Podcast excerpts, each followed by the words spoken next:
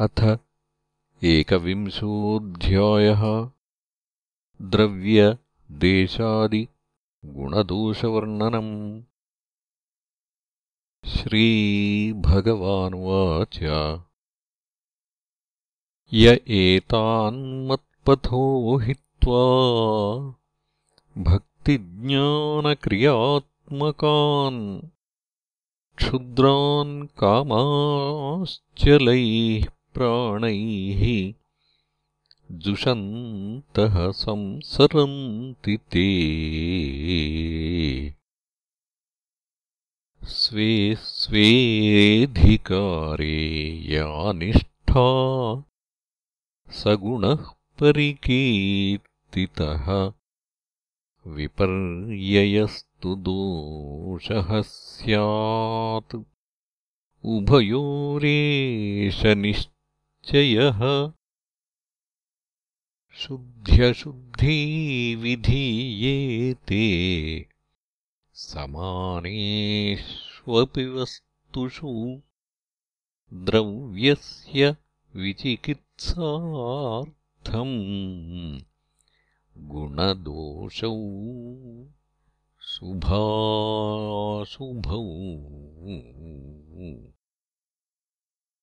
धर्मार्थम् व्यवहारार्थम् यात्रार्थमिति चानघा दर्शितोऽयम् मयाचारो धर्ममुद्वहताम् धुरम् भूम्यम् न्यनिलाकाशा भूतानाम् पञ्चधातवः आब्रह्मस्थावरादीनाम् शारीरा आत्मसंयुताः वेदेन नामरूपाणि विषमाणि समेष्वपि धातुषूद्धवकल्प्यन्ते एतेषाम् स्वार्थसिद्धये। देशकालादिभावानाम् वस्तूनाम् मम सत्तमा गुणदोषौ विधीयेते नियमार्थम् हि कर्मणाम्। अकृष्णसारो देशानाम् अब्रह्मण्यो शुचिर्भवेत् कृष्णसारोऽप्यसौ वीरः कीकटो संस्कृतेरिणम् कर्मण्यो गुणवान् कालो द्रव्यतः स्वत एव वा। यतो निवर्तते कर्म स दोषो कर्मकः स्मृतः। द्रव्यस्य शुद्ध्यशुद्धी च द्रव्येण वचनेन च संस्कारेणाथकालेन महत्त्वाल्पतयाथवा शक्त्याशक्त्याथवा बुद्ध्या समृद्ध्या च यदात्मने। अघम् कुर्वन्ति हि यथा देशावस्थानुसारतः। धान्यदार्वस्थितन्तूनाम् रसतैजसचर्मणाम् कालवायुवग्निमृत्तो यैः पार्थिवानाम् श्रुतायुतैः अमेध्यलिप्तम् यद् येन गन्धम् लेपम् व्यपोहति। भजते प्रकृतिम् तस्य तच्छौचम् तावदिष्यते। स्नानदानतपोवस्थावीर्यसंस्कारकर्मभिः मत्स्मृत्या चात्मनः शौचम् शुद्धः कर्माचरेद्विजः मन्त्रस्य च परिज्ञानम् कर्मशुद्धिर्मदर्पणम्। धर्मः सम्पद्यते षड्भिरधर्मस्तु विपर्ययः। क्वचिद्गुणोऽपि दोषः स्याद्दोषोऽपि विधिना गुणः गुणदोषार्थनियमस्तद्भिदामेव बाधते। समानकर्माचरणम् पतितानाम् न पातकम्। औत्पत्तिको गुणः सङ्गो न शयानः पतत्यधः यतो यतो निवर्तेत विमुच्येत ततस्ततः। एष धर्मो नृणाम् क्षेमः शोकमोहभयापहः। विषयेषु गुणाध्यासात् पुंसः सङ्गस्ततो भवेत् सङ्गात्तत्र भवेत् कामः। कामादेव कलिर्नृणाम्। कलेर्दुर्विषहः क्रोधस्तमस्त तमनुवर्तते तमसाग्रस्यते पुंसश्चेतना व्यापिनी द्रुतम्। तया विरहितः साधो जन्तुः शून्याय कल्पते। ततोऽस्य स्वार्थविभ्रंशो। मूर्च्छितस्य मृतस्य च विषयाभिनिवेशेन नात्मानम् वेदनापरम् वृक्षजीविकया जीवन् व्यर्थ भस्त्रेव यः श्वसन् फलश्रुतिरियम् नॄणाम् न श्रेयो रोचनम् परम्। श्रेयो विवक्षया प्रोक्तम् यथा भैषज्यरोचनम्।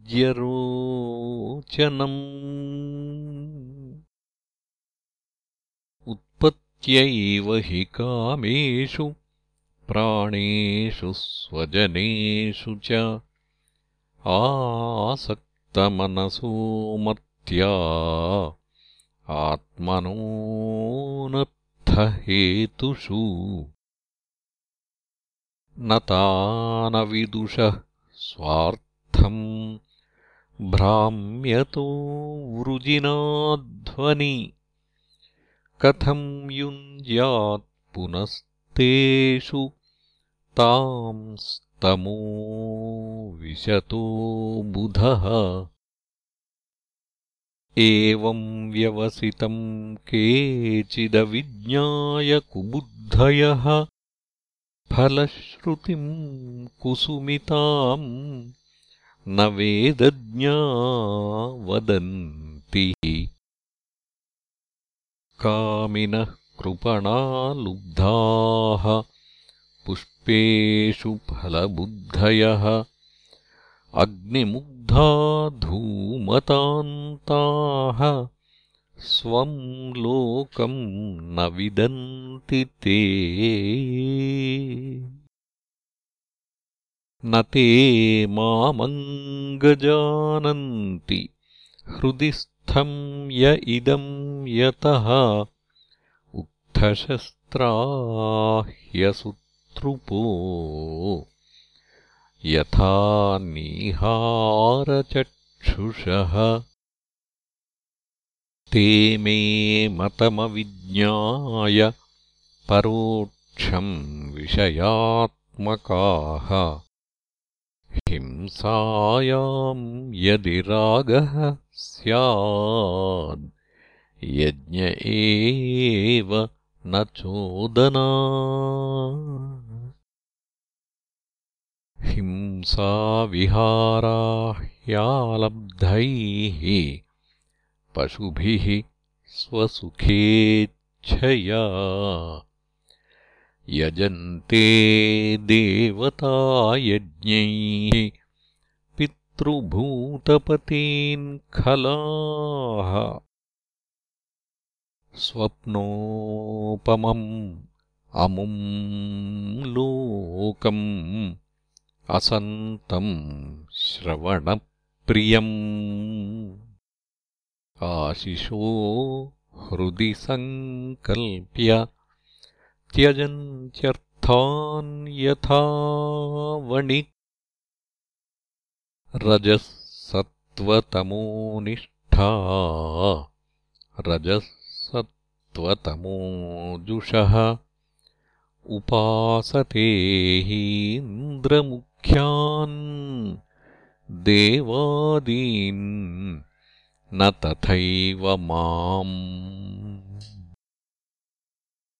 इष्ट्वेह स्यामहे दिवि। तस्यान्त इह भूयास्म महाशाला महाकुलाः।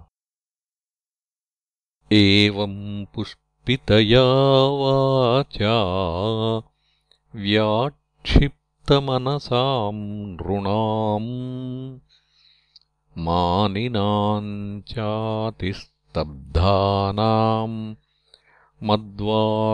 मद्वार्तापि न रोचते। वेदा ब्रह्मात्मविषयास्त्रिकाण्डविषया इमे परोक्षवादाऋषयः परोक्षम् मम च प्रियम् शब्दब्रह्मसुदुर्बोधम् प्राणेन्द्रियमनोमयम् अनन्तपारम् गम्भीरम् दुर्विगाह्यम् समुद्रवत् मयोपबृंहितम् भूम्ना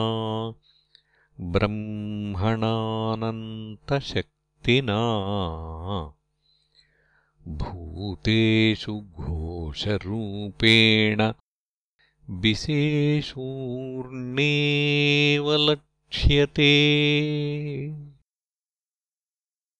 यथोर्णनाभिर्हृदयादूर्णामुद्वमते मुखात् आकाशाद्घोषवान् प्राणो। मनसा स्पर्शरूपिणा। छन्दोमयोऽमृतमयः सहस्रपदवीम् प्रभुः।